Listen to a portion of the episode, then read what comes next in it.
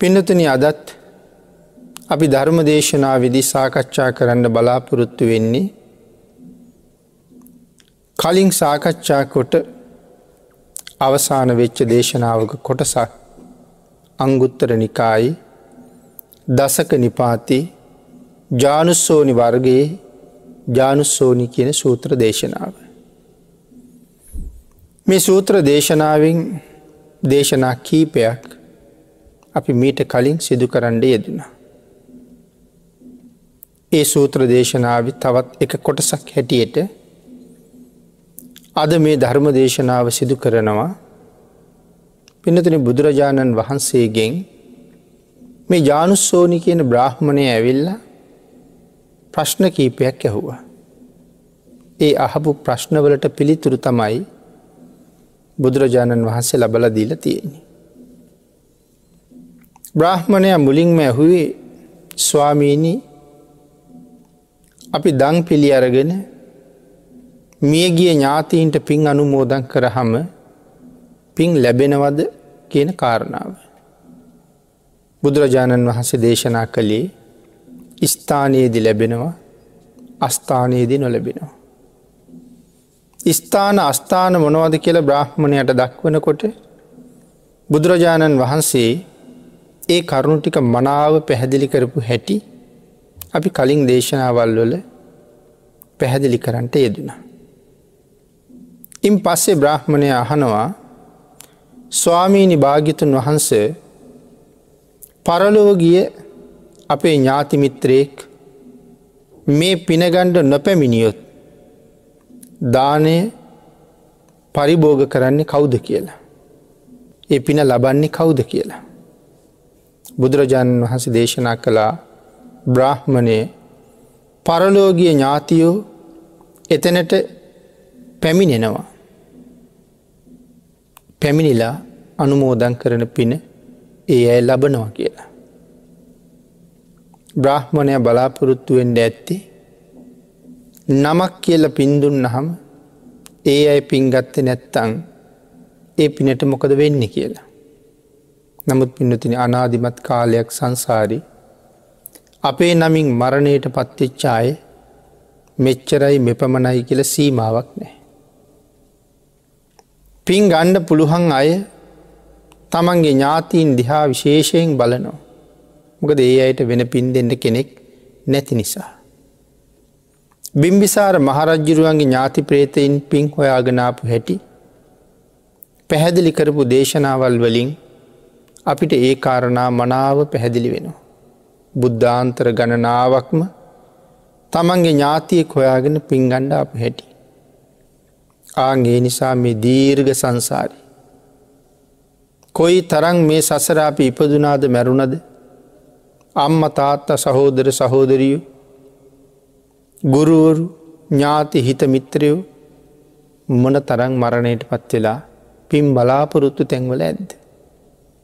ඒ හින්ද මේ පින ගණ්ඩ කෙනෙක් නෑ කියල කාරණාවක් නම් නෑ ඕන තරම් පින්ගණ්ඩ බලාපොරොත්තු වෙන අය තමන්ගෙමයි ඉන්නවා.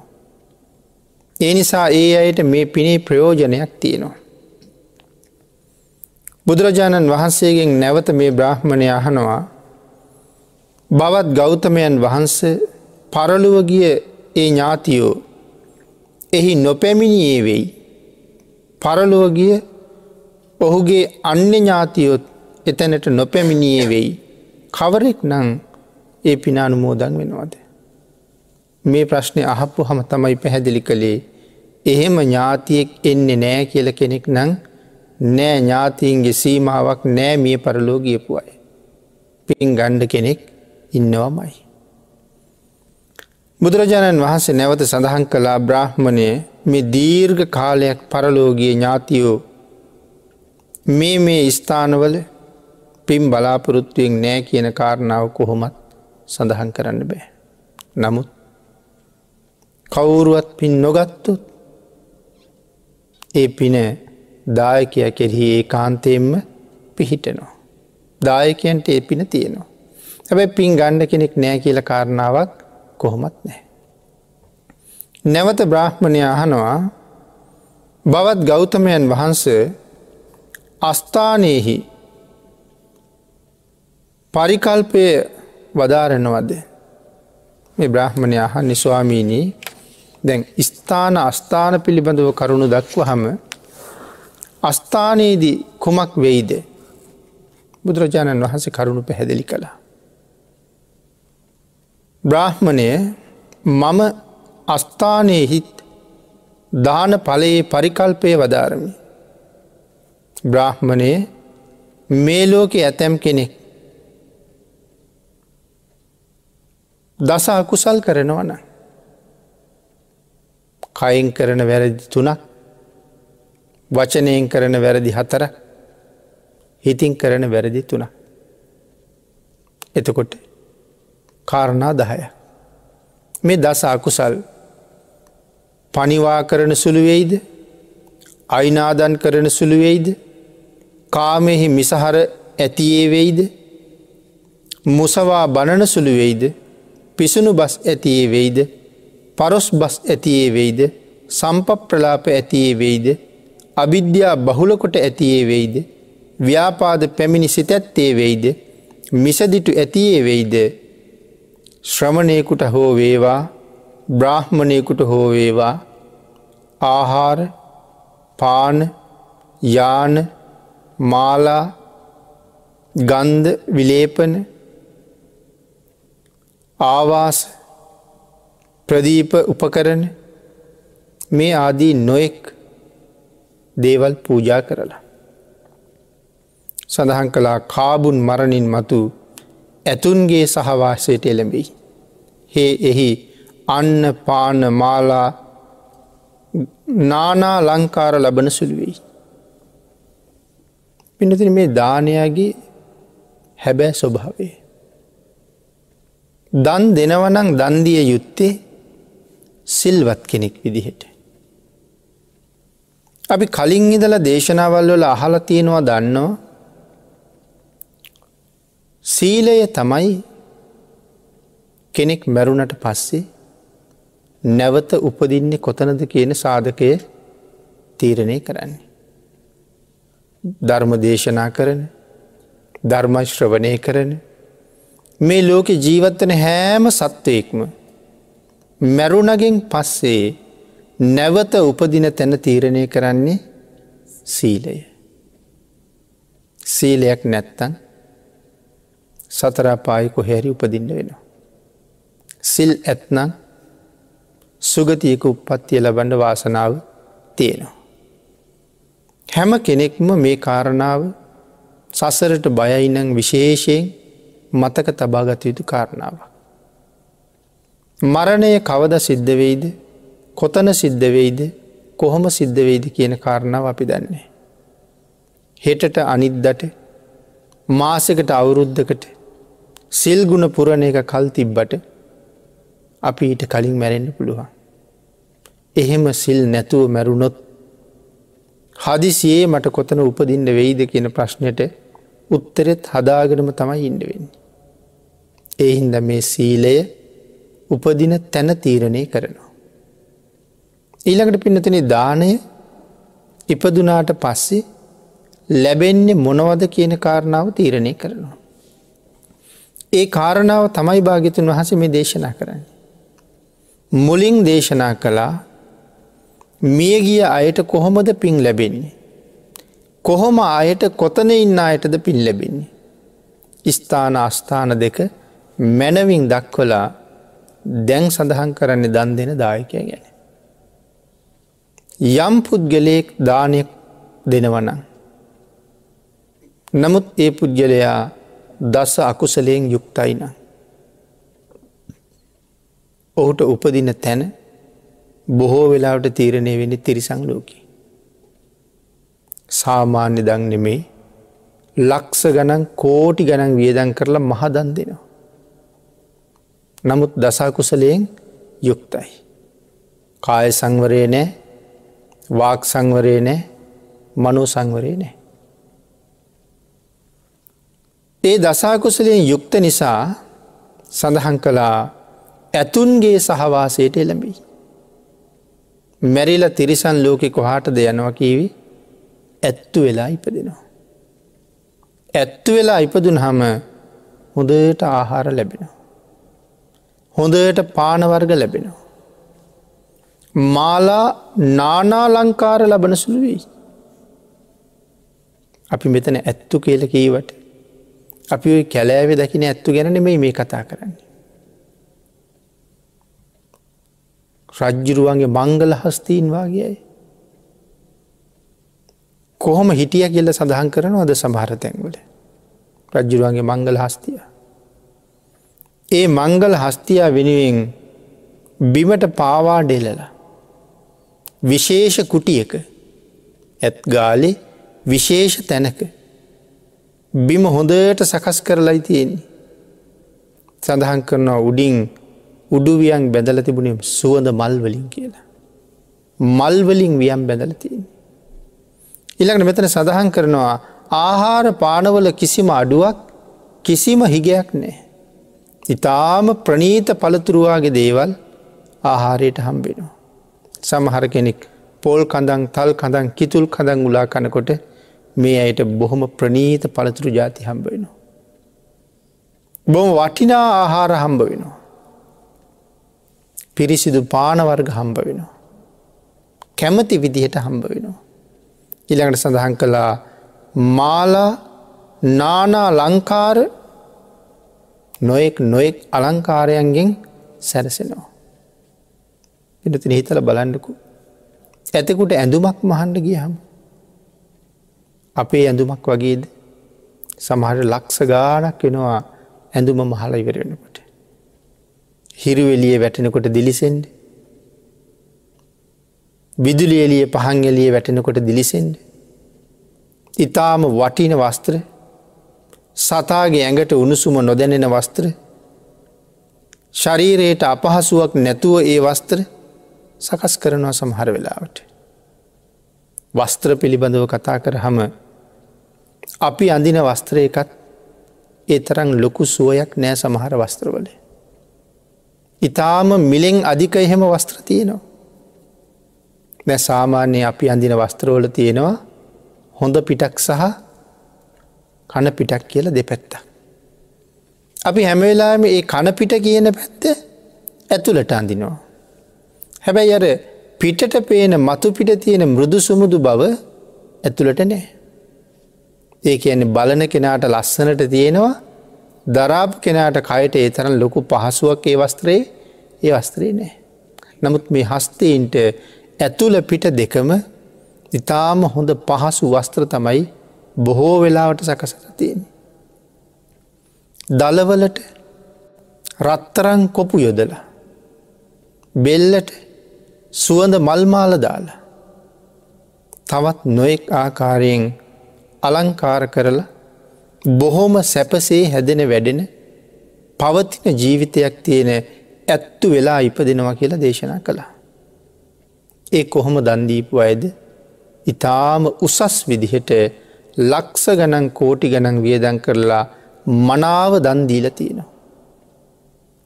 නමුත් තිරිසන් ලෝකෙට ගියේ මොන හේතුව හින්දද දානය සම්පූර්ණ කරනවා සීලයේ සම්පූර්ණ නෑ.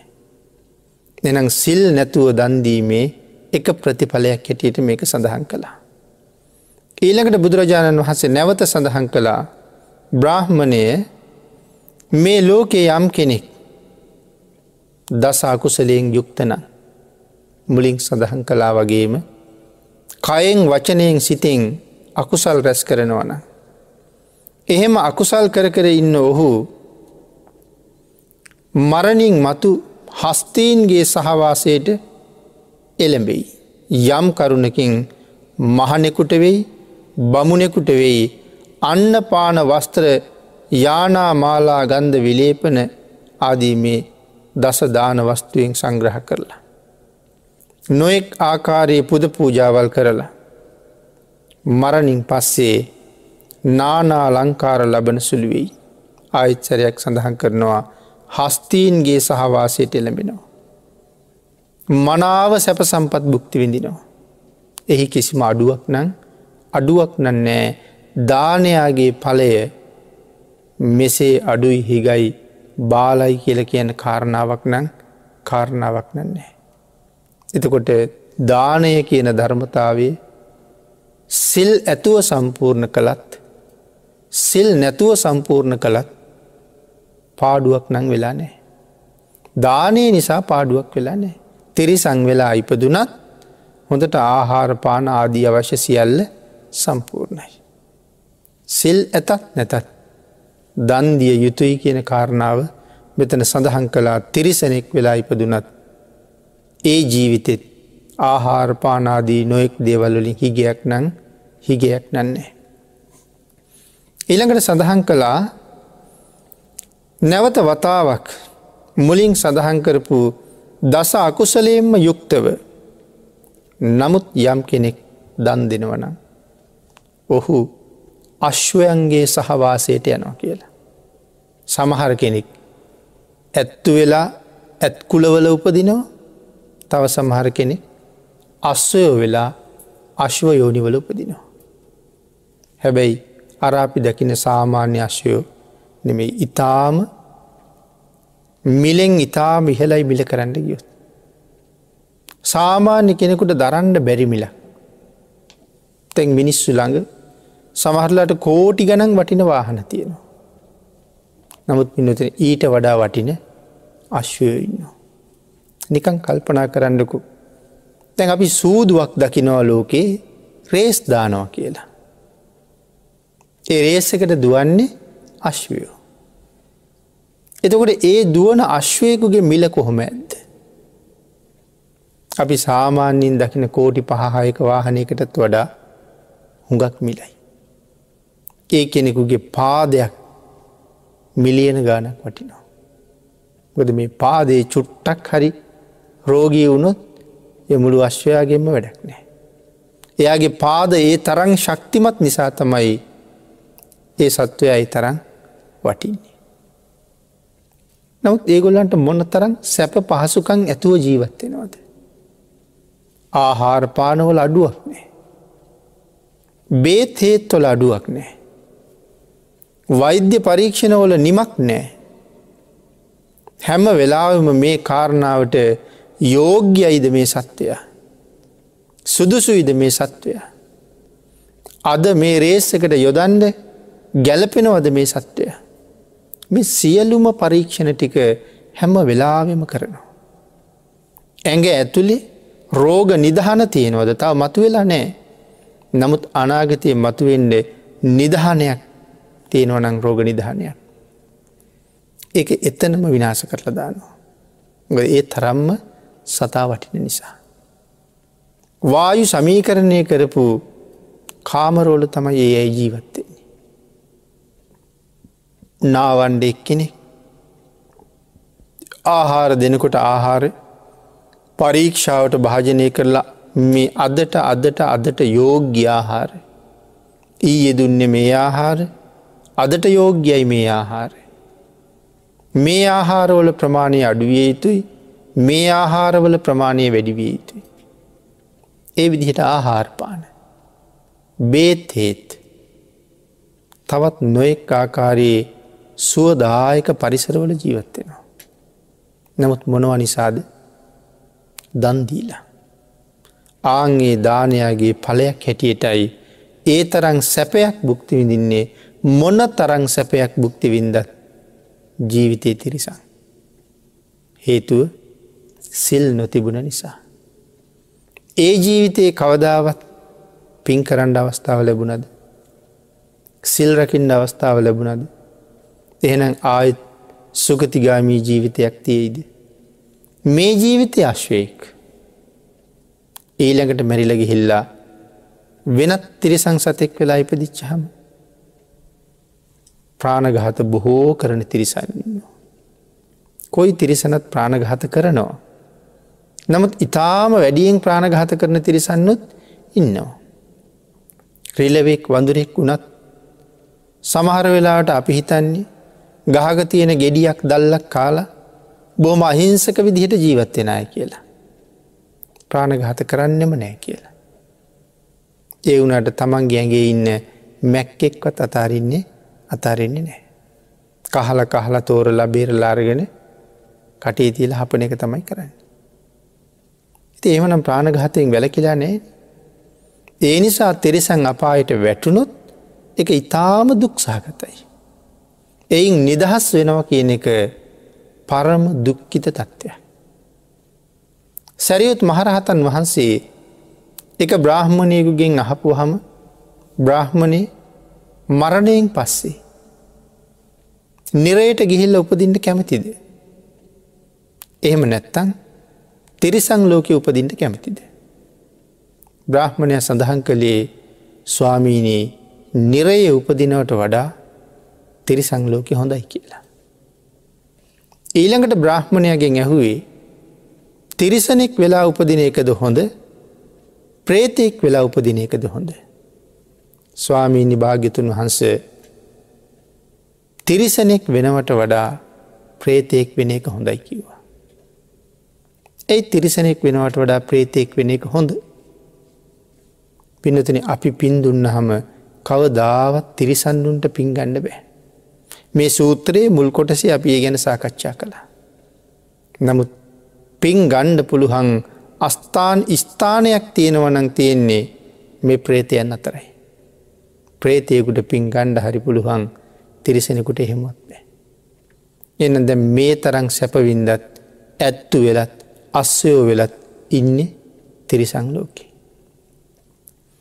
ඊළඟට මේ බ්‍රාහ්මණයා නැවත බුදුරජාණන් වහසගේ අහනවා භාගිතුන් හස පැහැදිලි කරනවා බමුණ යම් කරුණකින් මෙලව දස අකුසල් සිද්ධ කරලා. සුනකයන්ගේ සහවාසයට එළඹෙයි.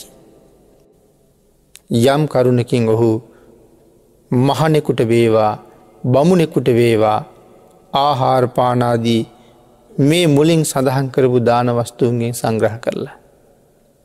කොහෙද උපදින්නේ සුනකයන්ගේ සහවාසයට යනවා තවත් සමහරාය.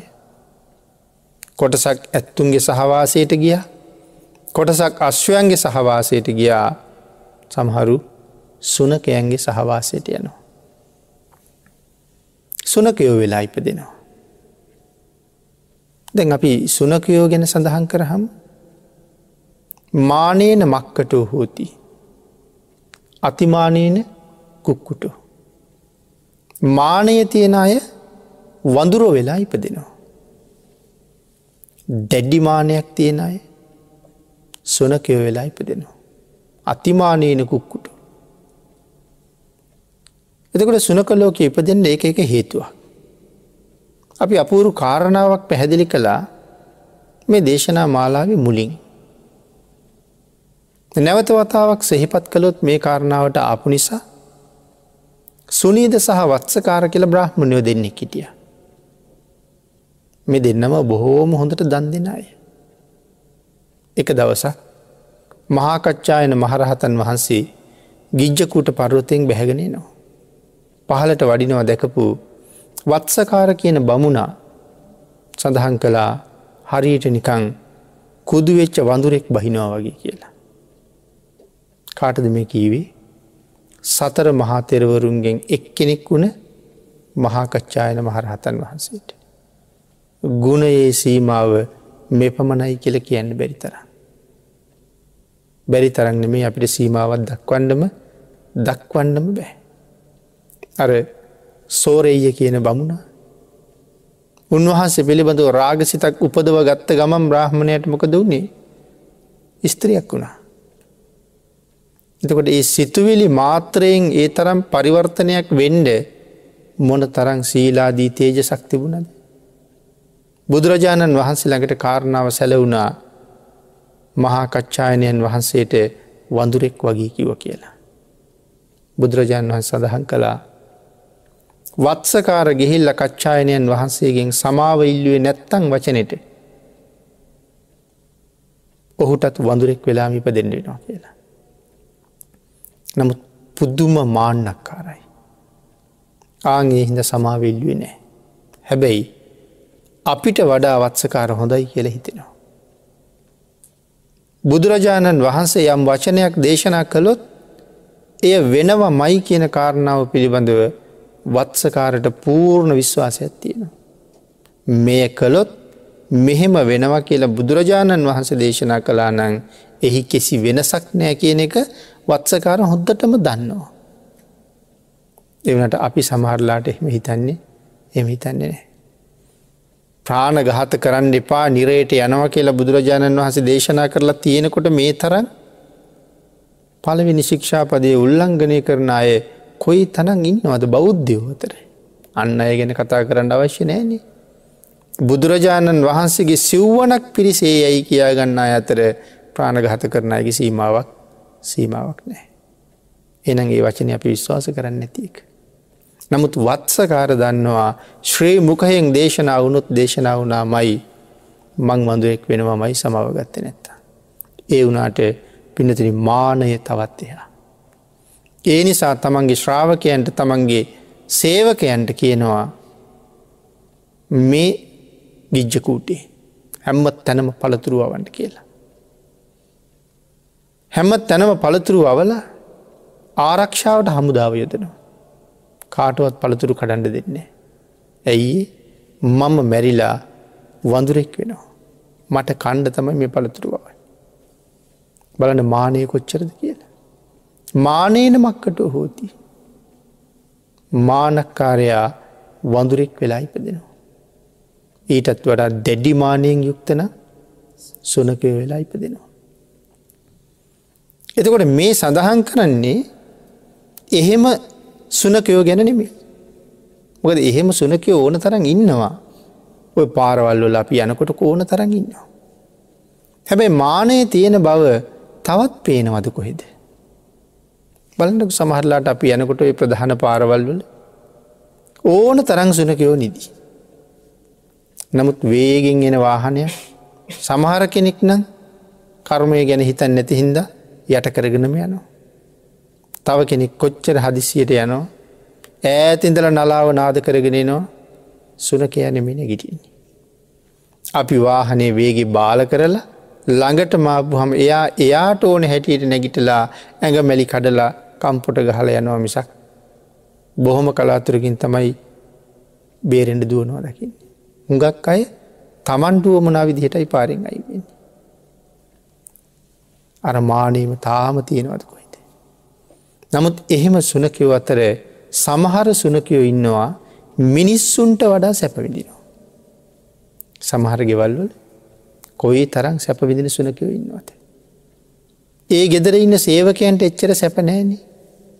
ඒ අයට ලෙඩත් දුකක් හැදුන හම සමහරලාට බෙහෙට්ටිකක්වත් ගෙනල්ල දෙන්නේ.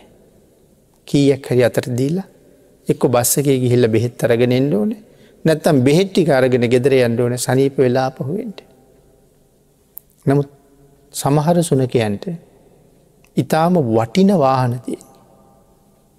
ඒක ගෙදරයි පාවිච්චි කරන්න එක සුනකයාට මයිතින්. රියදුරෙකුත් ඉන්නවා. එහෙම වාහනයක ගෙනහිල්ල බේත්තේත් ගෙනල්ල නාවලා සූපත් කරලා බෙහෙත් ගල්වලා මොන්න තරං සැප සහිත ජීවිත තියෙනවාද. සමහරලාට සේවකයට වියදන් කරන්නේ යම් පඩියක්ද දවසකට මාසකට සුනකයට වියදන් කරනවා ඒ වගේ දෙකක් තුනක් විතර. ඒ විදිේ සැපවිඳින සුනකයෝ ඉන්න.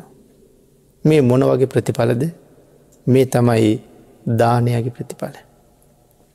ඒමනම් භාගිතුන් වහස දේශනා කරනවා ජානුස්සෝනී මේ ලෝකෙ සමහර මිනිස්සු දස අකුසල් කර කර නමුත් බොහොම වියදන් කරලා හොඳට දන් දෙනවා ශ්‍රමණ බ්‍රහ්මණීට. ඔවුන්ට ඒකින් කුසලයක් ලැබෙනවා. ඒ කුසලේ ප්‍රතිඵලයක් හැටියට සුනකයෝ වෙලා උප්පත්තිය ලබනවා. නමුත් දන් දුන්න නිසා ආහාර පාන බේත් හේත් තවත් නොයෙක් උපස්ථානවල අඩුවක් අඩුවක් නෑ. සුනකයන්ගේ සහවාසයට යනව කියලා සඳහන් කළා. පිනතන ඊළඟට බුදුරජාණන් වහන්සේ විශේෂයෙන් පැහැදිලි කරනවා මේ මනාව දන්දීපු අය. බ්‍රාහ්මණය මේ ලෝක ඇතමෙක් දසාකුසලයෙන් යුක්තයි. නමුත් ඔහු මනාව දන් දෙනවා. මනාව දන්දීපු මේ පුද්ගලයා තවත් උපත්තිය ලබන තැන් විශේෂයෙන් සඳහන් කරනවා මේ දසාකුසලයෙන් යුක්ත මේ පුද්ගලයා යම් දවසක සම්ප ප්‍රලායපයෙන් වැලකෙනවන. සමහර මිනිස්සු දස අකුසලේ මතම පිහිටල මුළු ජීවිත කාලිම කටයුතු කරනවා. අන්තිම කාලෙවත් ජීවිතයේ සීලයක් සමාදන් වෙච්ච දවසක් දවසක් නෑ. කෙනෙක් සිල් ගණ්ඩ යමු කියල කීවොත්. ඒකටත් නොඒක් තර්ක ඉදිරිපත් කරනවා. සමහරයි කියනවා සිල් ගණ්ඩ ගියාට කවුද සිල් ගන්නේ. කවුරු ගාවද සිල් තියෙන්නේ. ගිහිල්ල දවසම ඉඳගෙන ඉඳලා දවසම ඕපදූප කිය කිය ඉඳලා මිනිස්සුත් දෙන කෑම ටිකත් කාලා මිනිස්සු දෙන පානවර්ග ටිකත් බුක්ති විඳලා හොඳට නිදාගෙන ඉඳලා පහුවදා ගෙදර යනවන්නේ. බොරුවක් කරන්න යන්න ඕනැයි කියලා ඒවාගේ තර්ක කර කර තර්ක කර කර එවන් අවස්ථාව පවා මගාරිනවා. අරාය පූජනීය ස්ථානවලට ගිහිල්ල ඒගොල්ලු සිල් ගන්නවා ඒගොල්ලු ගුණපුරනවා ඒගොල්ලු බනාහනවා ඒගොල්ලු පුද පූජා කරනවා ඒක අගේ කරන්න කැමැත්තක් කැමැත්තක් නෑ. ඒකෙන් මැගෑරගණ්ඩ මේවාගේ විවිධ දේවල් කිය කියා ජීවිතය අන්තිම කාලෙත්ද දස අකුසලයෙන්ම යුක්තෝ මැරලයනවා. ඒ මැරිල ගිහිල්ලත් දානාදී පින්කං කරගෙන තිබුණනං අරවාගේ උපත්තිීන් වලට යනවා. නමුත් එහෙමත් නැත්තැනං ඉතාම සෝචනීය තැනක තමයි උපදින්ට තීරණය වෙන්නේ. නමුත් නැවත බුදුරජාණන් වහන්සේ සඳහන් කළා බ්‍රාහ්මණය මේ ලෝකෙ ඇතමෙක් මේ දසාකුසලයෙන් වැලකුණානම් කයින් කරන වැරදි වචනයෙන් කරන වැරදි හිතෙන් කරන වැරදි. මේ දේවල්වලින් වැලකුණානම්. කොයි විදිහ උපත්තියක් නැවත ලබනවාද. අනබිජ්ජාලුවෙයි අව්‍යාපන්න චිත්ත වෙයි. සම්යක් දෘෂ්ටික වෙයි. අනබිජ්ජාලුවෙයි කියල කිවේ අවිද්‍යාවෙන් තොරවෙයි. සම්ය දෘෂ්ටික වෙනවා දවේශයෙන් ඈත්වෙනවා. නොයෙක් ආකාරයෙන් දානාදී පින්කං සම්පූර්ණ කරලා තියෙනවා. මරණින් මත්තේ මිනිසාගේ සහවාසයටයි. ඔවුන් අපි මුලින් කියපු කාරණාවට නැවත සැරයක් කෙළබෙනවා. දස අකුසලයෙන් වැලකුණේ වෙයි කියල කියන්නේ මනාව සීලේක පිහිටියේ වෙයි කියන කාරණාව. ප්‍රාථමික සීලේක පිහිටලා. පන්සිල් මත මනාව පිහිටලා ඉඳල තියෙනවා. පන්සිල් ආරක්ෂා කරලා තියෙනවා. හැබැයි මෙතන දසා කුසල් ගැන කතා කරනකොට සුරාව ගැන කතා කරලා කතා කරලා නෑ. එතකොට සුරාව මේ දසා කුසල් ගනයට සාකච්ඡා කරලා නැත්ති පිනතිනි සුරාව කර්ම පතයක් ළඟත් නෑ. කර්ම පත හැටියට ගත්තාම පානාති පාතා අදින්නාදාන කාමේසු මිච්චාචාර මුසාවාදා. මේ හතරම කර්ම පත මොනවටද කර්ම පත කියල කියල කියන්නේ. මැරෙන වෙලා විසිහියට අවුත් ඒ කාන්තයෙන් නිරෙව් පද්දවනු. ප්‍රාණගාතය සිහියට අවුත් බොරු කීපුවා සිහියට අවුත් හොරකංකරපුවා වැරදි කාම සේවනය නිරය උපද්දුවන්න හේතුවෙන දේවල්. එතකොට පන්සිල් සමාදන් වෙනකොට ඇයි පස්වෙනි කාරණාව මෙතෙන්ට ඇතුළත් කරලා නැත්ත. පිනතින මේ පස්වනි කාරණාවෙන් හානිවෙන්නේ තමන්ටන. දැන් බොරු කියහම තව කෙනෙක් රැවටෙනවා. ප්‍රාණඝාත කරහම තව කෙනෙක්ගේ ජීවිතය නැතු වෙනවා. හොරකං කරහම අනුන් දුකසේ උපයා සපයා ගත්ත වස්තුව නැතිවීමේ දුක ඔහුට බොහෝම තදයට තියෙනවා. අනුන්ගේ කාමවස්තු තව කෙනෙක් අයතා විදිහට පරිහරණය කරනවා කියල දැනගත්ත හම ලොකු ප්‍රඥාවක් තිබෙ නැත්තං ඒ පුද්ගලයක් පව් ගොඩක් කරගන්න. එක්කො සියදි විහානි කරගන්නවා. නැත්තං තමන්ගේ කාමවස්තු පරිහරණයට එන අය මරලදානවා. එම නැත්තං තමන්ගේ බිරිඳ මරලදානවා ස්වාමිය මරලදානවා. ඒ තමන්ට හානියක් තියෙන නිසා. නම් සුරාපානය කරහම පෞද්ගලිකව තමන්ට විශාල හානියක් තියෙනවා. අනුන්ටත් ඒකෙන් හානියක් වෙනවා. තමන්ට තමයි ලොකුම පාඩුව. අන්න ඒක නිසා සුරාපානයේ කර්ම පතගනයට එකතු කරලා නෑ ඕක එක හේතුවක් විතරයි. හැබැයි මේ සිල්පදය හඳුන්වන්නේ මහසිල්පදී කියලා. මේ සිල්පද පහේ මහසිල්පදී. ඇයි එකට මහසිල්පදය කියල කියන්නේ කර්ම පතත් නොවෙනවන. සුරාවෙන් මත්තෙච්ච පුද්ගලයා අර කියපු කර්ම පත හතරම කරනවා. සිහියෙන් හිටපු දවසට කරන්නේ නැති දේවල් ඔක්කොම කරනවා මත්තෙච්ච නිසා. ඒහින් දහුට ලොකු පාඩුවක් වෙනවා. ඊළඟට නිරේවල් වල ඉපදිලා ආපහු මනුස්ස ලෝකෙට කොයි අම්ම කාලෙක හරි ආවහම සමහරලට අපි මේ ලෝකෙ දකිනවා මන්දගාමී මන්ද බුද්ධික උම්මත්තක කියලා කොටස්තුන. මේ තත්ත්වයට පත්වෙන්නේ ඇයි මේ සුරාවේ ප්‍රතිඵලයක් නිසා. එතකොට සුරාව කියල කියහම් මත් කුඩු මත් පෙති මත් වතුර මත්තෙන්ඩ කරන ආලේපන මේ සියලුම දේවල් මේ ගනයට මේ ගනයට අයිති. ප්‍රාණගහත කරපු කෙනෙක් නිරේ ගිහිල්ල ආපහු ආපහු මනුස්සලෝකොල්ට එනකොට ඒ කර්මය අවශේෂ බලපෑම හැටියට මොකද වෙන්නේ. අකාලි මැරිලයන. අඩු ආවිශයෙන් මැරෙන. නමුත් අවුරුදු දහය අවුරුදු විස්සක් සත්පුරුෂයෙක් ඇසුරු කරන්න ලැබුණු. ඒ ජීවත්වෙච්ච කාලසීමාව තුළ ලොකු ප්‍රයෝජනයක් තමන්ගේ ජීවිතයට එකතු කරගන්න.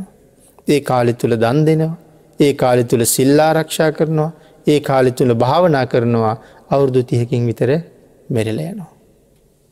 නමුත් පින්නතින උම්මත්තකයෙක් වෙලා ඉපදිලා බුදුරජාණන් වහන්සේගේ සිරිපාදහතුව මුල අවුරුදු සීයක් ජීවත් වනත් ඒ පුද්ගලයට පලක් වෙනවද එයට කිසි ප්‍රයෝජනයක් නෑ. ආගේ නිසා ඒ කරුමය හරි භයනකයි. එකයි මහසිල් පදය කියලා දක්වලා තියෙන්නේ.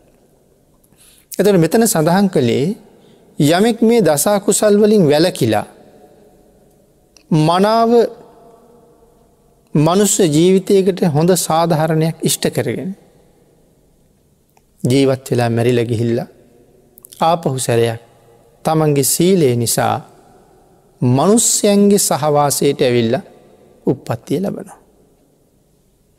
සඳහන් කළා මිනිසාට අයත් පස්කම් ගුණ ලබන සුළුවෙයි.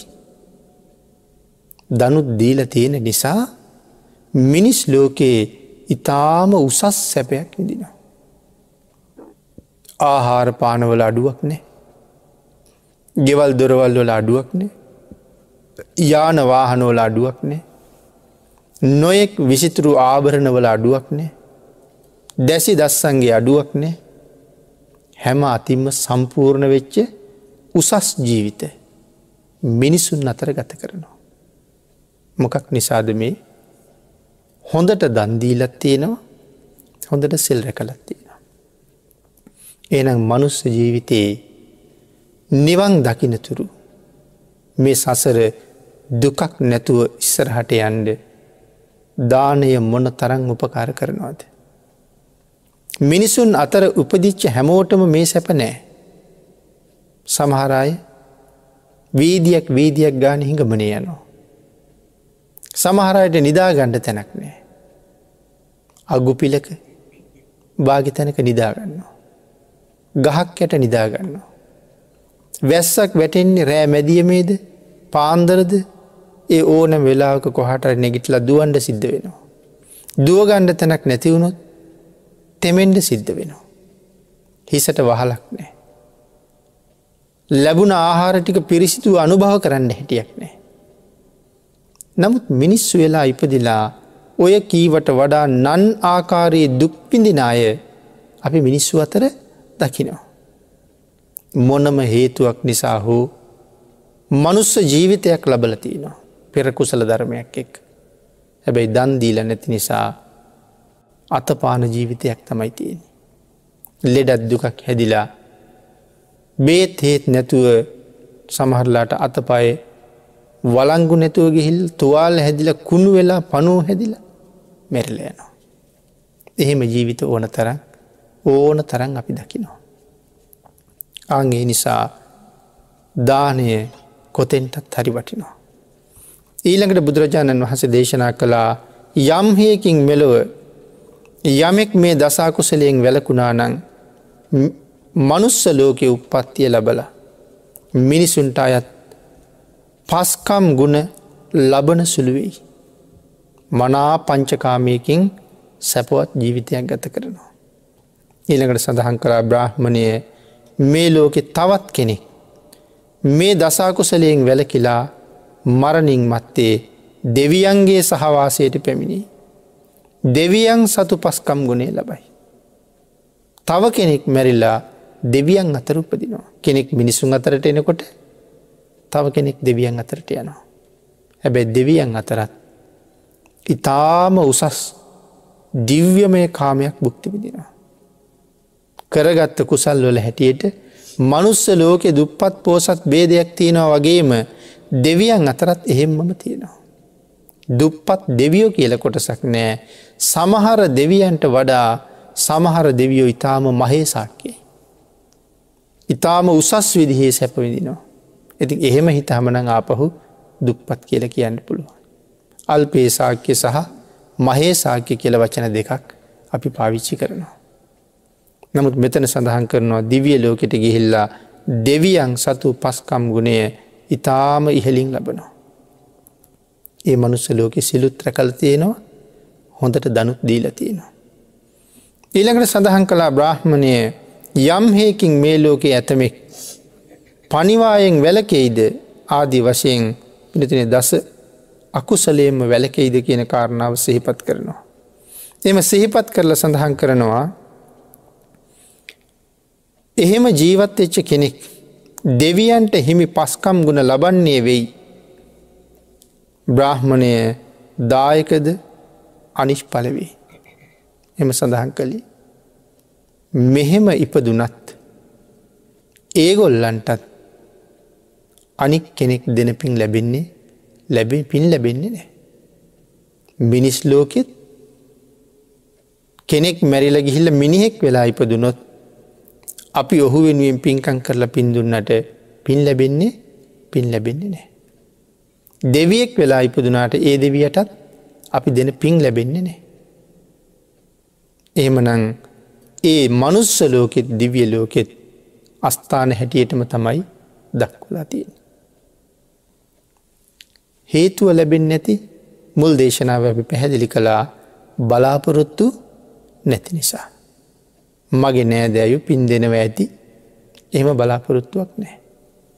සමහර වෙලාවට මේ බණහන ඔබ ඔබේ ළඟ අසල්වෙසි ගෙදරක වේවා ඔබේම නිවසේ වේවා.